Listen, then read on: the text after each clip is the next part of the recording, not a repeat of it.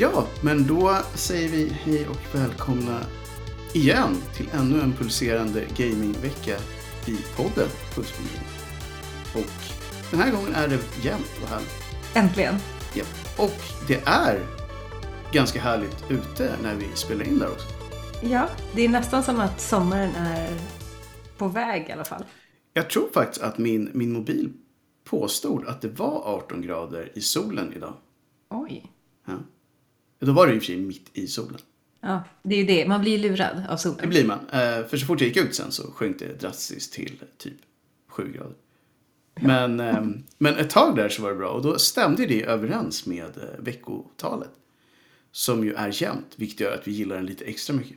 Eh, Yes, och Ja. 18. Som... Precis, är man 18 så får man också gå ut. Eller något. Man får nog gå ut i alla Annars fall. får man stanna inne. Annars får man stanna inne och jag vet inte vad mer då. Fundera på att reda ut kanske. Vi har i alla fall en eh, lista. Och den här gången så, vi har ju sagt det några gånger nu att det är inte fullt ös i Beirut eller valfri plats du lyssnar på det här. Men den här veckan, eller förra veckan, beroende på när du lyssnar på det här, vecka 18 hade ändå en del grejer i pipelinen. Så vi känner oss inte så eh, besvikna över den listan vi har fått ihop. Däremot så är vi lite besvikna över delar på listan, men vi kommer till det. Först så tycker jag vi eh, introducerar avsnittet med ännu ett försök. Inga bongos. Bongos.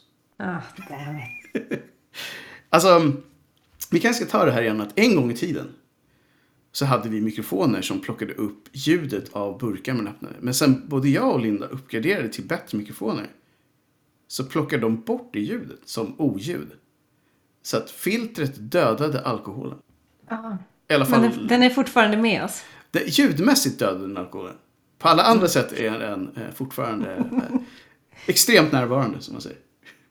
Och eh, vad har vi den här gången? Idag har jag något som heter Rainbows are real. Den, den var riktigt snygg faktiskt.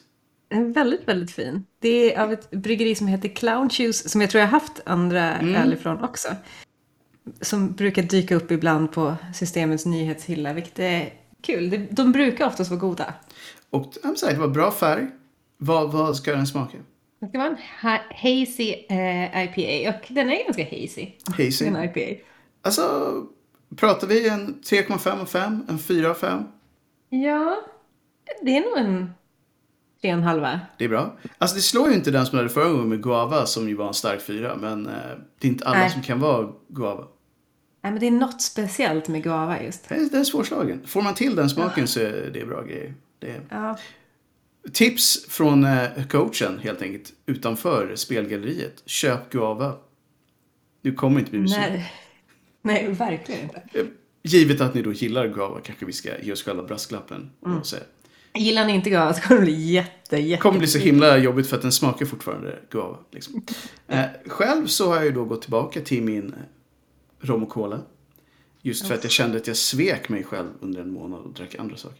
Jag vet, Och, men eh, nu är, nu är Karibien tillbaka. Karibien är tillbaka, jag känner att cola behöver mitt stöd. För det är inte så att de säljer bra annars. Nej, de har ju haft problem. De har ju otroliga problem. Eh, Kan vi. Alltså har de någonsin haft problem med det jag funderar på? De hade väl problem någon gång där i början. Ja. Och när de hade New Coke ett tag också. Som ingen Ja, gillade. det var, det var också konstigt. Det är så konstig idé att när man har någonting som säljer otroligt bra så bara, ska vi ha en ny eller? Det var som de gjorde med Bassets vingummin. Ja, fy vad dålig den blev. Ja, Men jag, jag tror att den hade, de hade någon jättekonstig anledning till att de ändrade på den. Men den, tapp, ja jag tror att den tappade allt. den tappade verkligen att, jo men jag tror att det var färg, någonting med färgämnena som var dåliga på något sätt som de skulle byta ut mot mer naturliga färger. Det brukade vara min favorit. Bassets vingummi var en, fab, som man säger. Men vi är här för att prata spel, kanske ni kom på er med att tänka nu. Och då kan det vara så här, ja, men ibland vill vi prata Bassets vingummi, liksom. Live with it. Och eh, kom igen, alla gillar vingummi. Eller gillade vingummi. Ja. Alla borde också gilla det som hände i helgen under veckan som gick. Det var nämligen Ludo Narracon 2022, fjärde årets situation. Tydligen. Japp. Och om någon, och det är som vanligt inte jättelätt att få er kära lyssnare att höra av sig, men om någon vet vad Ludo betyder i det här namnet. Får ni jättegärna höra av för vi försökt verkligen eh, ta reda på vad det här betyder. Inte en susning. Antingen så är det en, en snubbe som heter Ludo. Kan vara en tjej som heter Ludo också. Antingen är det någonting som heter Ludo. Eller så är det typ en, en sammandragning av någonting. Vi vet inte. Det enda vi vet är att Narra står för narrative och Con står för con. Som sagt. Och 2022 står för 2022. 2022 står ju då för eh, året skulle man kunna tänka sig. Det är i alla fall det jag hoppas. Jag utgick kallt från att det var året. Tänk om det är något helt annat. Det kan kan ju vara något helt annat. Det var 2022 stycken som, eh, som fick rösta vilka som skulle vara med. Ja. Ja, vi, vi drar den slutsatsen i alla fall att vi, vi hoppas att det var året. Jag ska förklara lite vad det här var då. Och eh, om man ska läsa deras egen pitch var då available for free to everyone via Steam. Tune in to see behind the scenes streams from over 40 narrative games, over 30 demos to download and play, and over 16 hours of live panel talks and fireside chats on Central Theatre Stream. Och eh, det här är då en Annual Global Digital Convention celebrating narrative video games. Med fokus på indie kanske vi ska säga. Väldigt fokus på indie. Japp. Och eh, på Steam. Jag har faktiskt aldrig varit med om ett event som hålls på Steam. Nej. Men under de här dagarna har man ju inte kunnat gå in på Steam utan att det dyker upp en stor Nope. video högst upp. Hallå! Jo, jag såg det. Däremot tyckte de var ganska dåliga på att, och det kanske för att de inte håller på med så här så mycket, men att typ slussa till den själva streamen. Var inte superenkelt. utan Det var mycket så här, kolla på den här sidan, kolla de här demorna, kolla vilka paneler vi har. Så så här. Jag vill faktiskt se tiderna och vad som är på gång. Eh, Den var lite svår att hitta, så den får de gärna förbättra nästa gång. Typ supertydliga starttider, en sida där det står ett schema, vilket det inte gjorde, utan de hade bara så här nästa grej i panelen typ. Eller vad händer om två, tre kommande. Då, så här. Amatörgrejer tycker jag fortfarande var fjärde gången. Så här. Skriv ut hela schemat någonstans så att jag vet. Ja, och sen jag tycker inte, nu är det, det är ju faktiskt första gången jag kollar på det här eller ens hört talas om det. Samma här. Eh, Men jag tycker ju, det var jättemånga jätteintressanta spel verkligen. Men Ja, de här paneldiskussionerna, de kunde bli lite tradiga. Ja, alltså, ja, jag tänker faktiskt vara ganska kritisk mot hur många av de här panelerna sköttes. För att de hade fått dit ganska mycket spännande gäster, ganska mycket duktiga och intressanta personer med bakgrund i både AAA-projekt och stora indie-projekt. Men det var ganska ofta den som modererade tog över hela, hela snacket och pratade massa om sig själv eller sina egna projekt. Och eh, det är inte jag intresserad av. Jag var där för att höra liksom vad de hade i panelen, ville säga. Inte vad moderatorn själv höll på med. Eh, och jag tror att det var ett av problemen just med att de flesta moderatorerna var också aktiva på indie, indie-scenen själva. Ja, nej men verkligen, för det kändes som att det var någon sån panel som jag började titta på för jag tro, tyckte att det lät som ett intressant ämne. Mm. Jag tror det var någon sån här detective. Japp, exakt den. Exakt den jag Ja. reagerade på. Och Där de hade fått in- han, lät, han lät dem bara presentera sig, sen bara Japp. började han dra igång. Japp, och det var ju en riktigt bra panel också med tanke på att de hade de här från Disco Elysium med. Som verkligen hade kunnat prata om, men det var väldigt mycket surr från, från moderatorn där. Och sen så har de i och för sig gjort en ganska stor grej av att eh, de har varit inclusive och det är queer inclusive games och jag vet inte, jag, jag tycker faktiskt inte att det är... Det har gått lite för långt att man lägger fokuset på det som borde vara självklart i sig. Så alla borde få göra spel, alla borde få vara lika välkomna, gör spel om vad du vill. Bara för att du är queer betyder inte att ditt indiespel är bättre än någon annans indiespel. Eller att vi ska prata om varför du är en transperson som gör spel. Jag tycker att fokuset ofta hamnade mer på personen. Så, ja, jag är en transperson, eh, alltså eh, är mitt spel typ värt att spela. Så, nej, från ett gamerperspektiv tycker jag inte det. Du måste fortfarande bevisa för mig att du har någonting som jag vill spela. Eller en idé som är intressant nog för att någon annan vill spela. Som med alla andra spel. Sen så har du alla rätter att göra ett spel och bli behandlad som vem som helst. Eh, Och det är det finaste betyg jag kan ge. Du borde bli behandlad som vem som helst. Gör de spelen du vill göra om du kan. Och eh, sen får du helt enkelt hoppas att det är några där ute som gillar den typen av spel du har gjort. Och fördelen med Ja. indiespel är väl att det finns oftast en liten grupp där ute som kommer gilla det du gör. Ja, verkligen. Och om man pratar om de specifika titlarna, den där Queer Man Peering into a Rock Pool. Mm. JPEG var ju super... Ja. Det Det såg ju finns, supercoolt ut. ja. Och det finns många sådana spel som har varit genuint bra. Men jag tror att de hade varit Mm. genuint bra oavsett. Oavsett. Ja, Mm. eh, det är i alla fall min bestämda uppgift att se ett bra spel så se ett bra spel. Ser det intressant ut så ser det intressant ut. Jag tycker att fokuset borde vara mer på det. Eller i det här fallet då, med. i det här fallet liksom vad som driver historierna. För det var ju det som hela det här konet skulle fokusera mycket på. Hur man kan berätta en historia och varför det är så viktigt och eh, hur folk har valt att göra det. Och det var det jag tyckte var roligt i många av panelerna just också. Det var någon panel som jag såg där det var hur de förhöll sig till karaktärerna de hade skapat. Om de Ja. blev kompisar med dem. Ehm, och om de såg dem som riktiga personer. Vilket också var intressant för att hälften av dem hade ju nästan på något sätt blivit kompisar med sina egna karaktärer. Och det där måste vara så himla svårt, för jag tänker att det var ju något spel, The Wreck tror jag det hette, med hon den här eh, kvinnan som var någon form av screenwriter vars liv hade typ helt och hållet brakat samman och Japp. så fick hon en dag åka till sjukhuset för att träffa, hennes mamma låg döende men hon hade inte haft någon kontakt med sin mamma på jättelänge. Och där, och jag tyckte att det var ett jätte, eh, det, det demo som fanns var ju väldigt gulligt och mysigt. Jag gillar den typen av storytelling plus att det var väldigt mysig grafik. Mm. Eh, Men där var det också så svårt. Tycker jag om den här personen som jag spelar som? Eller Ah, ja. jag, tycker jag inte om henne? Äh, det, och det, det var ju någon som sa det så här. Jag älskar att skapa så här, totala skitstöv.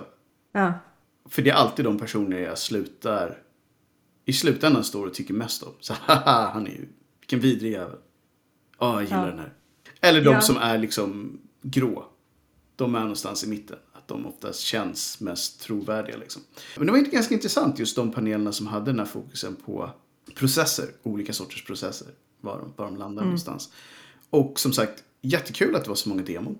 En del såg jag tyvärr hade så här att eh, demot är bara tillgängligt under själva Narracon. Och sen så tas det ner. Och det är väl delvis för att skapa lite hype kring det. Um, men jag hoppas att, eh, att, att många tog chansen att plocka ner den. Jag spelade igenom två spel under helgen som jag också la upp på kanalen. Och man ser det är två ganska olika spel. A Space for the Unbound och Mask of the Rose spelade jag. Och det ena är från Indonesien tror jag det var. Just det, den lilla pojken som blir... Jag tror att det är, eh, jag tror att det är en tjej hon som Vad det? Som- Tjej? Ja, jag, jag blir lite förvånad också, men jag tror att det var en tjej som var den som trillade i vattnet i det spelet. Ah. Mm. Så Och det börjar andra- väldigt alldagligt och sen helt plötsligt bara... Japp, och jag gillade grafiken. Ehm, Ja, det den var verkligen härlig pixelgrafik. Japp, och eh, så väldigt alldagliga problem. Man ska smyg, smyga ut från skolan och eh, ett av dem. eh, Och det första så ska man bryta sig in i hennes rum för att hämta hennes magiska wand som är en pinne. Ja. Så att, nej. Eh, och eh, i det här demot fick man spela prologen och kapitel 1. 1 och 2 kallas, men prologen var kapitel 1 i demot. Så att eh, du kan spela prologen och kapitel 1 som kallas för kapitel 2 i demot. Och eh, det verkade kunna bli. Det känns som en sån här mystisk grej som kommer från något helt alldagligt som du säger. Och eh, jag tror att det kan bli... Ja, grafiken i sig hjälper till jättemycket. Eh, såklart. Det var den här rätt sorts pixelgrafik. Och och eh, jag kommer definitivt komma tillbaka till det spelet när det, när det är där ute på riktigt som man säger. Det andra spelet var nästa, det är sådana spel som inte byggspel så ofta, alltså tunga novellspel.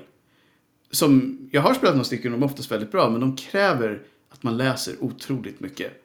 Och eh, det är jobbigt att göra Let's Plays av sådana spel för man behöver läsa otroligt mycket. Och eh, jag vet inte om det är så många som har provat men försök läsa högt i ett par timmar i sträck. Ja, det... Så, så, så kommer ni märka att det, det tar på rösten ganska snabbt. Vilket jag märkte efter att jag hade spelat in den där. Tror jag var väl typ en och en halv timmes högt pratande i stort sett. Ja, Men eh, det, var, det var samma sak där. Så här, börja alldagligt men ändå inte med tanke på att vi har fallit ner i underjorden. Och Ja. eh, det är något övernaturligt och något skräckgrejer, konstiga varelser som finns. Och vissa så här, djävulskulter har uppstått. Och i det här så ska man försöka utröna typ folks känslor. Och man gör det som någon slags eh, så här, typ utsänd från staten persons. Så hela premissen var ganska så här, okej, okay, det här är lite annorlunda. Och eh, bara på det lilla jag spelade så verkar det som att det man, det man gör i det spelet ändrar väldigt mycket. Så mm. att, eh, jag behövde spela om det för jag trodde i, naivt nog att man kunde avsluta mitt i och komma tillbaka. Men det kunde man inte. Då var man tvungen att spela om från början. Så att, yeah. Uh, och då försökte jag välja exakt samma grej som jag gjorde första gången. Men jag fick ändå andra resultat. För att jag bytte väl någon mening här och där. Och, ja, uh, det... för det är svårt att komma ihåg alla. För man väljer ja. ju vad man ska säga i, i spelet. Exakt. Och det slutade med att när jag var på, i sista videon så hade jag plötsligt ett ställe mindre på kartan att gå till. Och jag har ingen aning vad det var jag valde annorlunda. Men någonstans så blev det så pass annorlunda att ett ställe inte öppnades. Så att, eh, det är ganska häftigt eh, ändå att det var så pass nyanserat. Och det är samma sak här. Jag, jag kommer definitivt komma tillbaka till det här spelet. Sen får jag se om jag gör en Let's Play för sidan. För att om jag blev trött efter tre videos. Så misstänker jag att ett helt spel med det här skulle nog kunna bli riktigt jobbigt för stambandet om man vill köra längre perioder. Men, ja. eh, men nu är du ju å andra sidan redo att läsa in en ljudbok kanske? Absolut. Nu, nu, nu är jag där. Och förhoppningsvis så kan folk som ser demorna kanske tänka sig att ah, det här skulle kunna vara något att testa. Um, två väldigt olika spel, men två spel som hade lite övernaturliga grejer going och som båda två började någon slags alldaglig, alldaglig eller alternativt alldagligt, vilket var lite häftigt. Mm. Um, ska jag vet inte om vi har så mycket mer att säga om Ludonarcon mer än att vi tyckte att det var överlag en häftig grej. Ja, och väldigt många spelbara demos, vilket ju är jättekul. Bara det liksom. Vi har ju varit inne på det tidigare, vi gillar demon. Och vi är jätteglada mm. över att de är tillbaka. Och om det finns sådana här event så tror jag att det definitivt kommer vara en trend som håller i sig. Att folk ser att ja, men, eh, vi når ut till fler.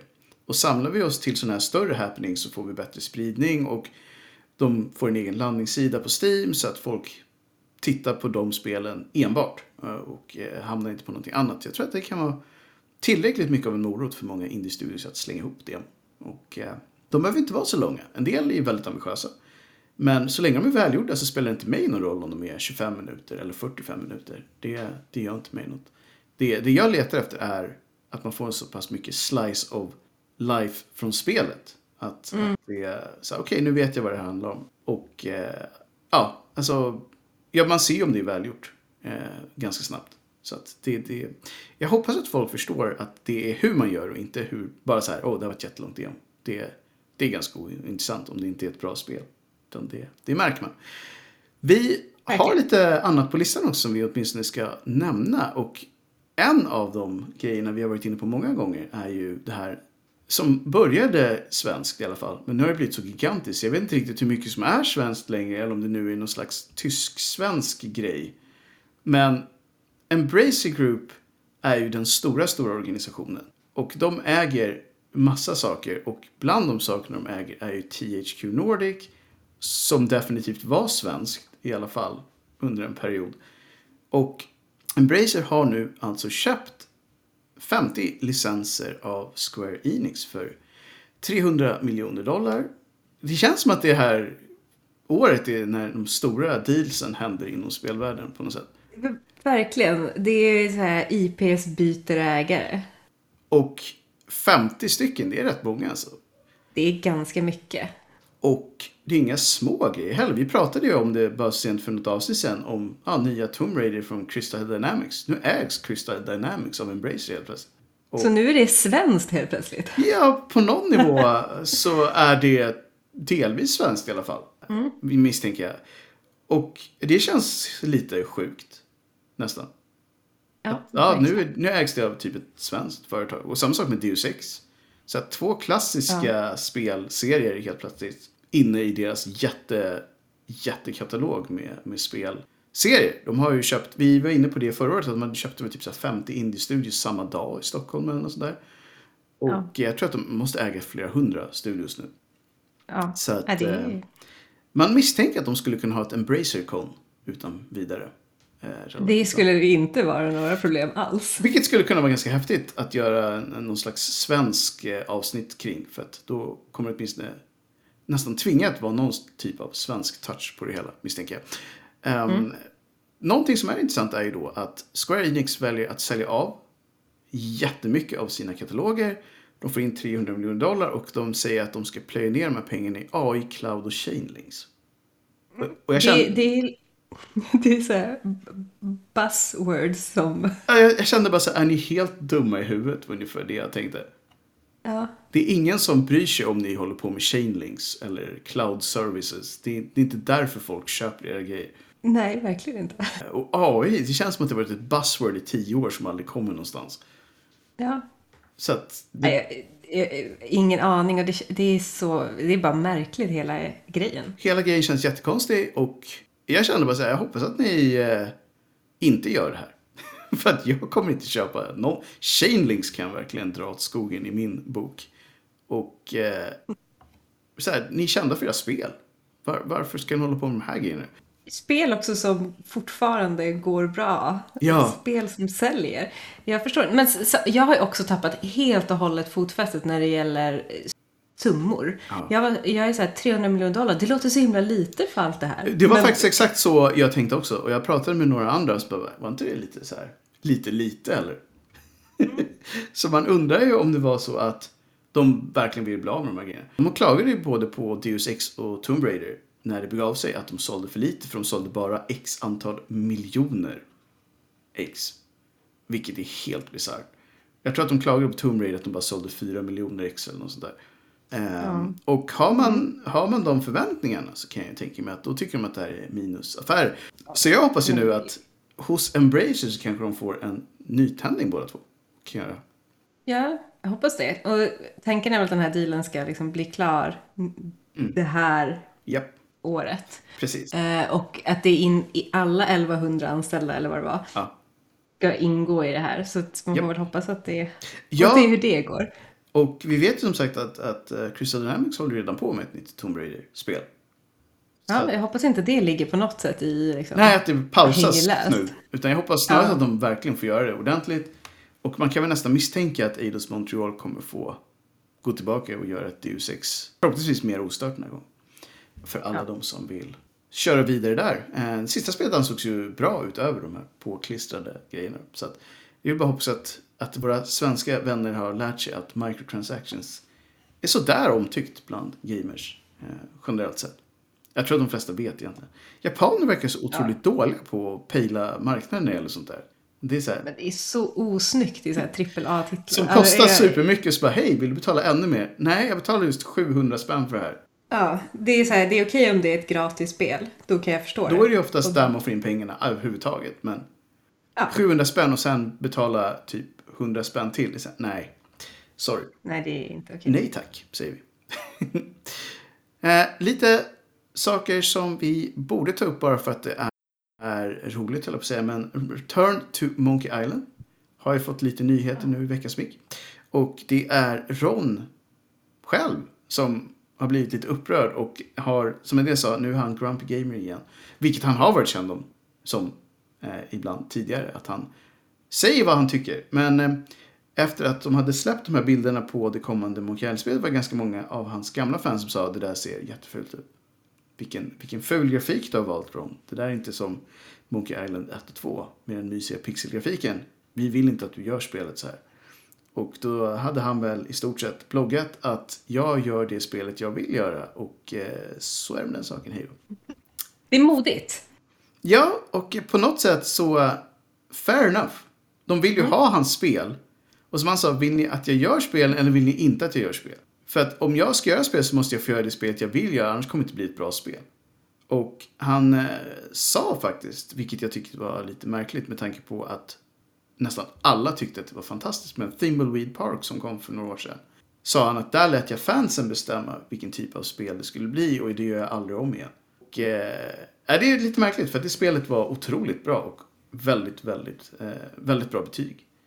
Men frågan är ju då hur lång tid och hur många liksom, omtagningar han var tvungen att göra efter att fans hade fått tycka till. Jag antar att det måste varit massa olika ändringar som kom in. Som han uppenbarligen inte själv var nöjd med. Nej, precis. Och eh, man ska ha på det klara med att han tyckte ju själv inte om Curse of Monkey Island, alltså den som var trean fram tills nu då.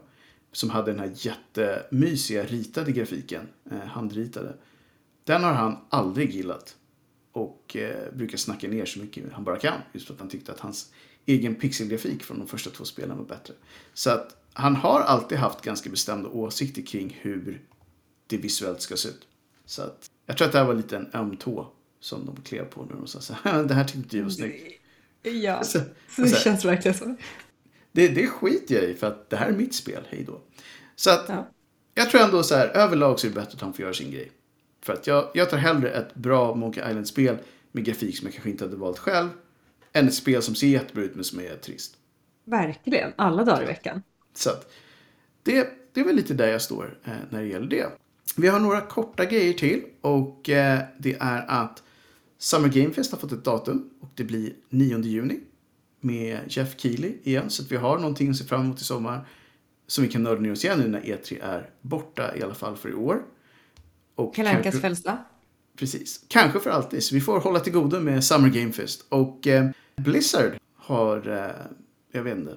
Så jag skrev, försöker lite för mycket nu. För nu har de börjat anställa folk för att få bort den här eh, hemska stämpeln de har fått av att de inte sköter sig. Så nu har de tagit in en person som både var Chief of Diversity, Equity and Inclusion i form av Kristen Heinz, det var förra månaden. Och nu har de också tagit in Jessica Martinez som är First Vice President Head of Culture. Spännande titlar ändå. Och det känns som att det här är ju två titlar som bara är till för att typ sända budskapet att nu, nu gör vi det här. Det, det, det här är... Och jag hoppas att de gör också, att det inte bara är virtue signaling. Typ att vi tar in de här nu och så säger vi att de gör det här. Men så händer inte så mycket. Och så kommer vi undan med allt annat skit. Ja men precis, eller att de är där men de inte har något mandat att ändra saker. Och dessutom att de gör det på rätt sätt. Jag blir alltid lite rädd när jag hör diversity, equity och inclusion. För det är så här, börjar man kvotera in saker så har man mig exakt lika mycket emot sig som innan. Utan det jag hoppas på är att det ska vara lika självklart att man har en plats där oavsett vad man råkar se ut och ha för åsikter så länge de är lagliga. Mine. Men att det är det som ska införas. Att det ska inte vara det ska inte vara något problem att dyka upp där och jobba oavsett hur man ser ut och vad man tycker och vad man har för religion. Och Verkligen inte. Det man däremot måste kunna göra det är att göra sitt jobb. ja, definitivt. Så länge man har allt det, fine. Men kommer ni smygandes med kvoter då, då är ni på min shitlist fortfarande. Så är det. Men det är ett farligt spel det där. Väldigt farligt. Det är alltid farligt när man ska börja väga in folk på grund av andra saker än det det borde vara. Så att, ja, jag ställer mig så här. Kan vara bra. Vi får se. Vi, vi får följa upp om de... De lär skriva mer om det här längre fram, tänker jag. Och sen, som sista grej, för att knyta an till det vi har pratat om tidigare, var att Ubisoft ju eventuellt skulle köpas upp. Och nu verkar det definitivt som att det har varit någon som, eller att de faktiskt har fått någon som är sugen på allvar. För att nu har det då kommit ut att själva familjen, huvudägarna i Ubisoft, inte vill bli uppköpta. Så att precis som för några år sedan så kommer de försöka att behålla kontrollen över företaget. Intressant. Vi får se hur det går och vem det är som försöker köpa dem. Ja, exakt. Det vill man ju veta nu. Ja, för att nu när de ändå säger så här, vi säljer oss inte så här enkelt. Då är det inte ett rykte längre. Då är det ju verkligen någon som försöker köpa.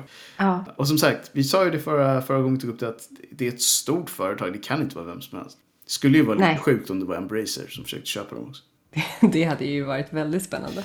Det, hade det, faktiskt. det sjuka är att, att jag känner att någon gång måste vi nästan gå på djupet med hur mycket saker Embracer äger nu. För nu måste det, det måste vara galet mycket saker nu. Bara att man har dålig koll på det. För att de har så mycket konstiga dotterbolag och systerbolag och det är en stor organisation. Eh, Men, men det måste vara väldigt mycket spel som ligger i den där.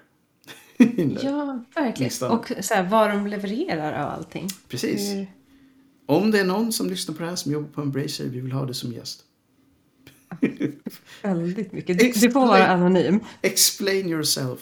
Så att, vi, så att vi förstår vad det handlar om. Var det någonting snabbt du vill lägga till? Annars har vi faktiskt slut på listan för den här gången. Oh, har vi? Det har vi. Nej, men jag har ju... Jag, jag tycker ju att den här... Jag, jag var ju väldigt skeptisk mot den här Luda Narracon. Jag tänkte så här, det här kommer bli så himla töntigt. Men det var ju så många härliga spel. Det var det. Och framförallt så tycker jag att det här Beacon Pines Mm. var supermysigt. Och det tycker jag verkligen att man ska titta på eller spela lite grann. Ja, som sagt, jag hoppas att de flesta av de här demorna fortfarande ligger kvar. För att det, det är många, många roliga där. Eh, Jag har faktiskt ett som heter Behind the Frame, The Finest Scenery. Som såg ut som typ en Ghibli-film.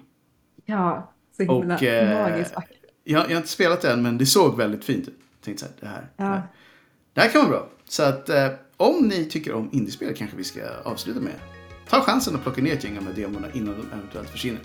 För att jag tror att bara ni drar ner dem så, så kan ni ju spela dem även framöver. Och med det så är det Exakt, nog... om ni eh, har dem på er hårddisk kan Exakt, ni ta dem det är som man sa förr. Keep it, damn it. Bränn ut det på en skiva tänkte jag Ja. säga. Men det är ingen som har skivor eller CD-brännare längre. Så att, whatever. Nej, jag tror inte Whatever. Lägg det på OneDrive säger jag. Just det, där har vi det. Just det, Så, så kan de inte ta det ifrån. det är det nya. Det är det, är det nya. Upp i molnet med, med allt. Ja, och med det så är det väl kanske dags att eh, knyta ihop den här jämna veckan på ett härligt sätt. I vanliga fall så puffar jag över valfri objekt till spelfarsan. Men eftersom han inte är här så får vi väl bara säga så här att ta er en titt på, på ett demo eller två. Ha det sådär lagom bra så att ni har precis fått så tråkigt att ni kommer tillbaka nästa vecka och lyssnar på oss igen.